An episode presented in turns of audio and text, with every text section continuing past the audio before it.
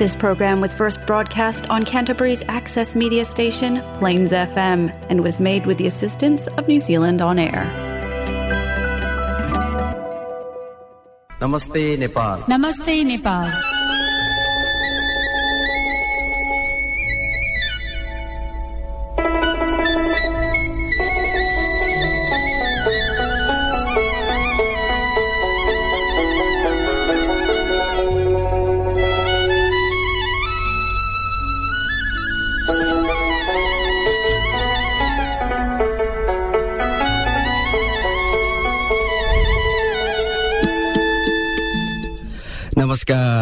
Plains FM ninety six point nine मेगाजमा यो हो क्राइसिसवासी नेपालीहरूको आफ्नै आवाज कार्यक्रम। नमस्ते नेपाल। संसारकै तिर्को टोपी सगरमाथा हो। नमस्कार Plains FM ninety six point nine मेगाजमा यहाँहरूलाई फेरि पनि कार्यक्रम नमस्ते नेपालको एक अर्को अङ्कका साथ यहाँहरूलाई भेटघाट गर्न आइ नै सकेको छु। क्राइसिस आसपासमा यदि हुनुहुन्छ भने यहाँहरू frequency मोडुलेसनको ninety six point nine megahertz मार्फत हामीसँग जोडिन सक्नुहुनेछ। त्यस्तै आफू अनुकूल हुने समयमा यहाँहरूले पोडकास्ट मार्फत पनि कार्यक्रम नमस्ते नेपाल सुन्न अनि सुनाउन सक्नुहुनेछ। त्यसका लागि नमस्ते नेपाल क्राइसिस न्युजिल्यान्ड नामको फेसबुक पेज फलो गर्ने प्रयास गर्दै गर्नुहोला। श्रोता नमस्ते नेपालको यो रिभिजिट श्रृङ्खला मार्फत कार्यक्रम नमस्ते नेपालसँग जोडिँदै गर्नुभएका यहाँहरू सम्पूर्ण श्रोताहरूलाई सधैँझै म विनोद। कार्यक्रम नमस्ते नेपालको आजको अङ्कमा पनि हार्दिक हार्दिक स्वागत नमस्कार टक्राउन चाहन्छु। कहीँ पल पल। नमस्ते नेपाल। नेपाली। श्रोता कार्यक्रम नमस्ते नेपालको आजको रिभिजिट श्रृङ्खला अलिकति साङ्गीतिक छ भने यसले केही गीत सङ्गीतहरूको माध्यमबाट पनि एउटा कुराकानीको माध्यमबाट पनि यहाँहरूलाई तिस वर्ष अगाडिको एउटा चर्चित ब्यान्ड ओकिलीको प्रस्तुति र त्यसका गीतहरू अनि त्यसको आरोह अवरोहहरूसँग जोड्ने प्रयास गर्नेछ भन्ने अपेक्षा लिएको छु। अनि सापकोटा ओकिली सन् दुई हजार अठारमा क्राइस्टचर्चको भ्रमणमा रहँदाखेरि उहाँको एउटा साङ्गीतिक प्रस्तुति पनि रहेको थियो र सो क्रममा हामीले उहाँसँग एउटा रेडियो अन्तर्वार्ता पनि रेकर्डिङ गर्ने अवसर प्राप्त गरेका थियौँ र त्यही रेडियो कुराकानीलाई आज रिभिजिट श्रृङ्खला मार्फत यहाँहरूलाई प्रस्तुत गर्ने प्रयास गरेको छु। झन्डै चार वर्षभन्दा बढी भइसकेको यो परिवेशमा यी कुराहरू अझै पनि रमाइला छन् अर्थपूर्ण छन् भन्ने विश्वास लिएको छु। गायक अनिस सापकोटा ओकिलीसँग गरिएको यो साङ्गीतिक कुराकानी अब आजको रिभिजिट श्रृङ्खला अन्तर्गत यहाँहरूलाई प्रस्तुत गर्दैछ। कृपया सुनेर साथ दिने प्रयास गर्दै गर्नुहोला। अनिसजी यहाँलाई कार्यक्रममा हार्दिक स्वागत गर्दछु।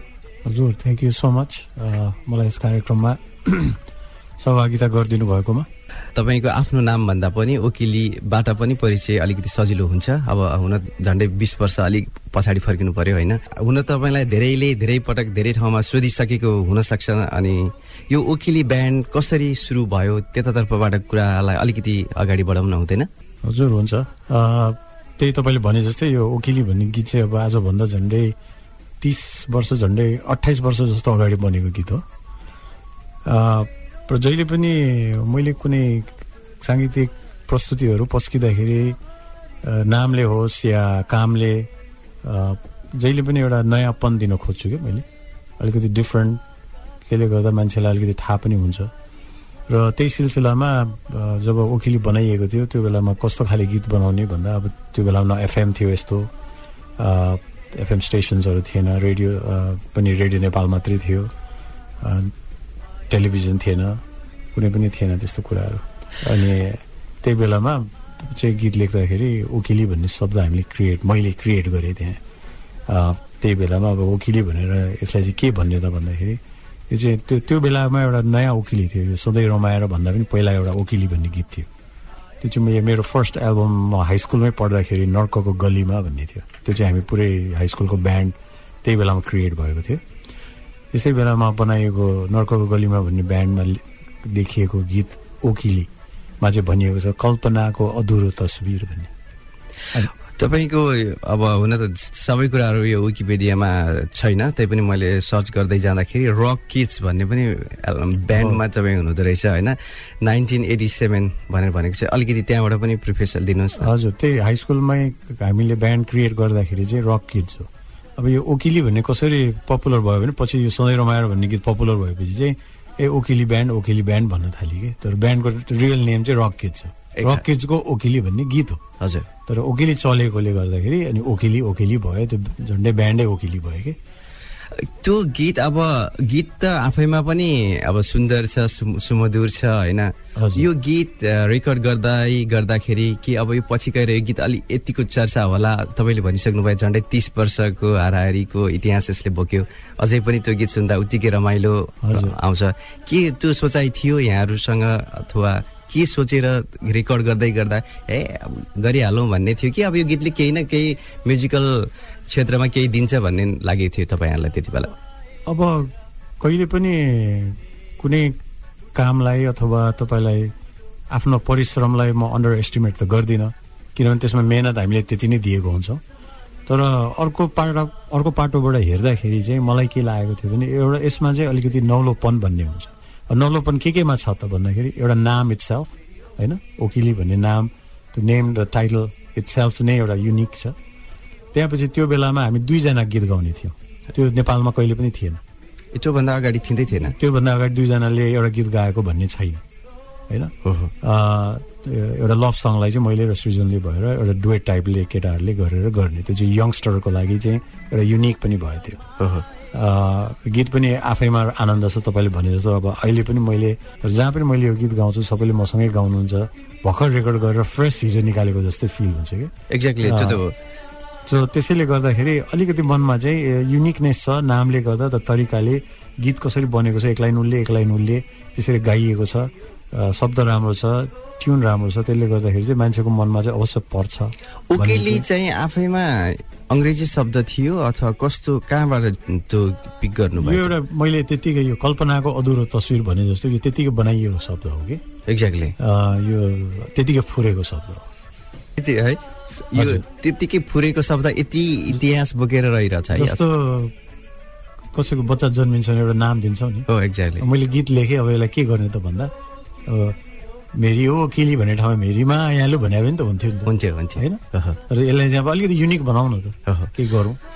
श्रोताहरू आज हामीसँग अनिस सापकोटा ओकिली हुनुहुन्छ। उहाँसँग अब उहाँ स्टुडियोमा भइसकेपछि अब उहाँको स्वर पनि हामीलाई सुन्ने मन हुन्छ। उहाँले भनिसके जस्तै झन्डै तिन दशकको हाराहारीमा नै यो ओकिली गीतले इतिहास रचेको भए पनि अझै पनि हामीलाई भर्खरै स्टुडियोबाट फर्काउँदै गर्दा रेकर्डिङ गरेर फर्किएको जस्तो अझै पनि आवाज हुन्छ यो गीत सुन्दै गर्दा। अब अनिसजी हामी मैले अलिकति भूमिका बाँधिसकेँ। एउटा गीत अब यही गीतबाट उकिलीबाटै सुरु गरौँ न। अब यो उकिली गीत तपाईँ अलिकति हामीलाई हामी हाम्रो श्रोताहरूलाई यसो गुनगुनाइदिन सक्नुहुन्छ कि? अवश्य पनि सर्वप्रथम again thank you so much for having me आज यहाँ तपाईँले मलाई निमन्त्रणा दिनुभयो. अ, पहिलो भ्रमण मेरो न्युजिल्यान्डको र तपाईँहरूको लागि यो दुई लाइन म गाउन चाहन्छु। सधैँ रमाएर उडी हिँड्ने मुटुभित्र तिम्रो डुली हिँड्ने। यो मन तिमी सम्हालिदेऊ न आएर अब अङ्गालिदेऊ न मेरी हो किली मेरी हो किली मेरी हो किली ओ किली ओ हो धन्यवाद सधैँ रमाएर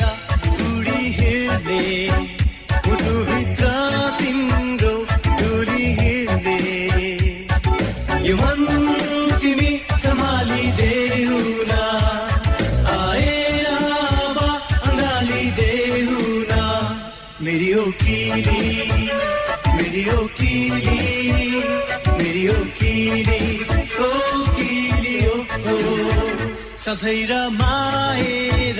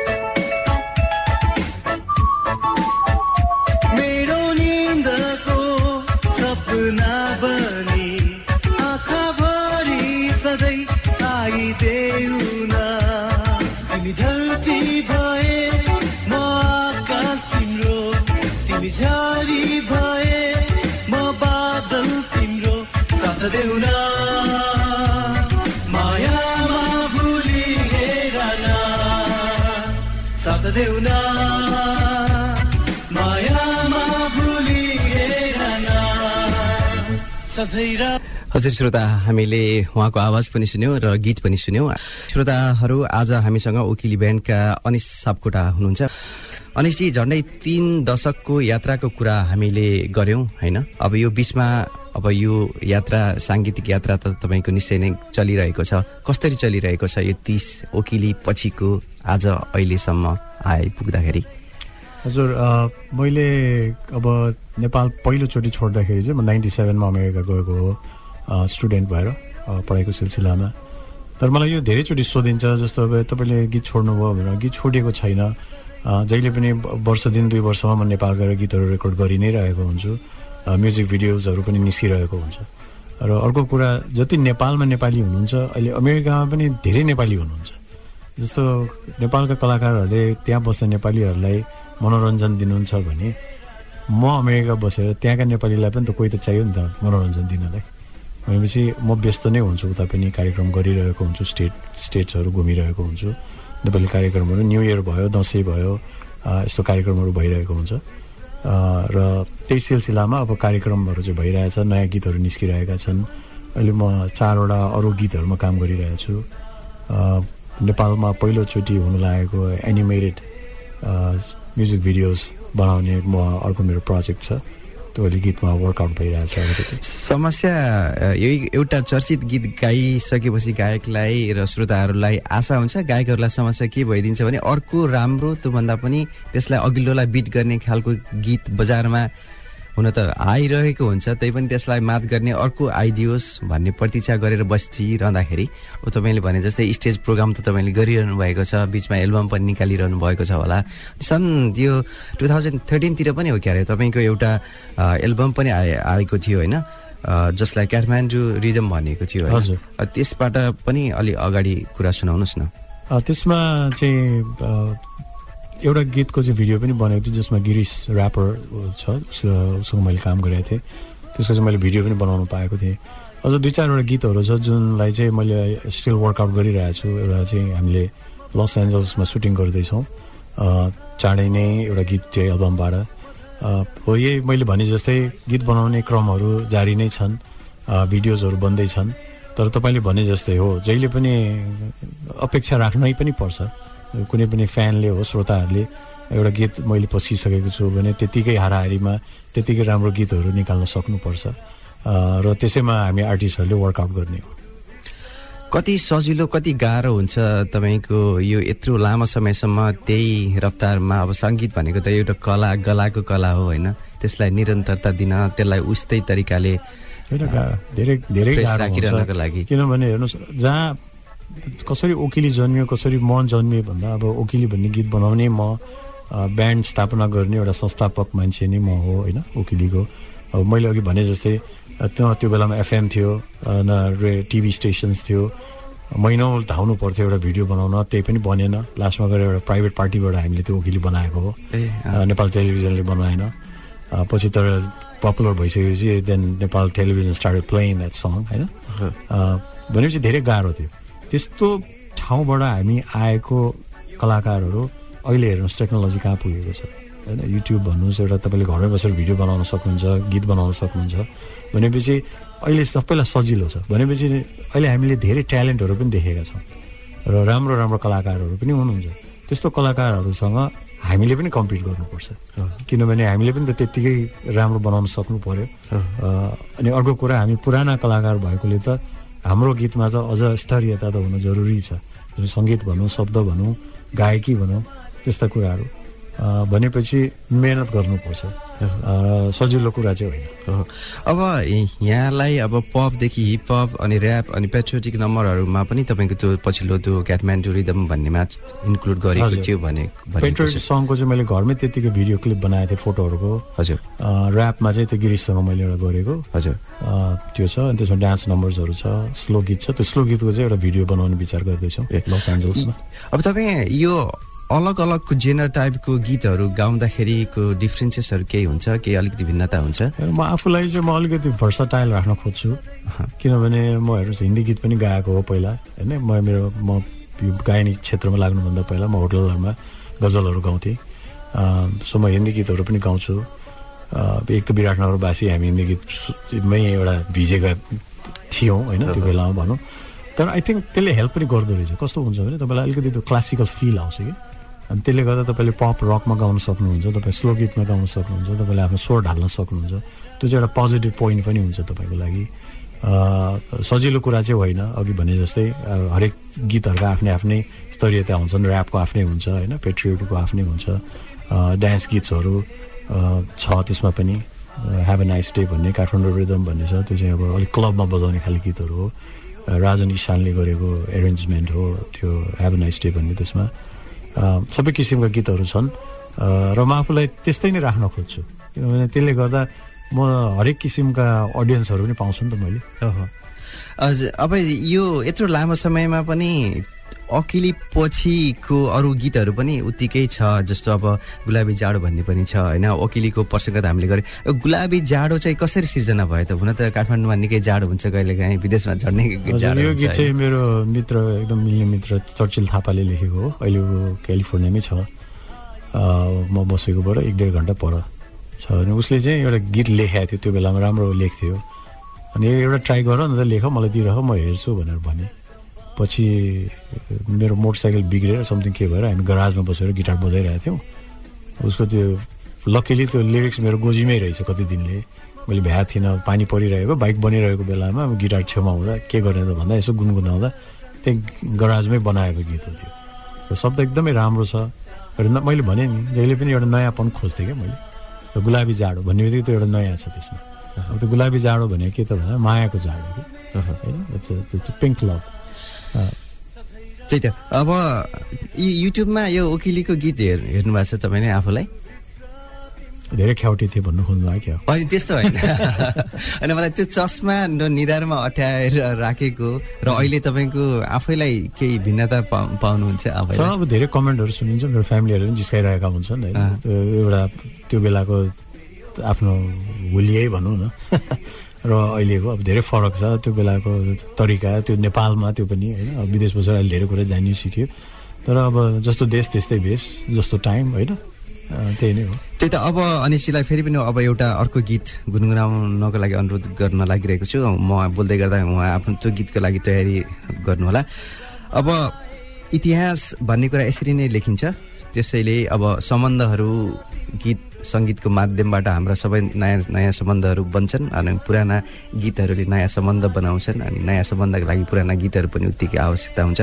अनि चाहिँ अब हामी अब कार्यक्रमको उत्तरार्धमा आउन लागिरहेका छौँ। आउँदै आइसकेका छौँ। फेरि अर्को एउटा गीत मिठो तपाईँ छोटो गुनगुनाइदिनुहोस् न प्लिज। गुलाबी जाडो भन्नुभयो। म त्यसकै दुई लाइन अब म यसो गर्छु ट्राई गर्छु यहाँ तिम्रो मायाको मियो छेउमा मैले पनि घर बनाए। तारे भिरमा खुड्किलो तिम्रो देख्दा यो मन पनि त्यसै गुनगुनायो। चन्द्रको उपमा बनाउन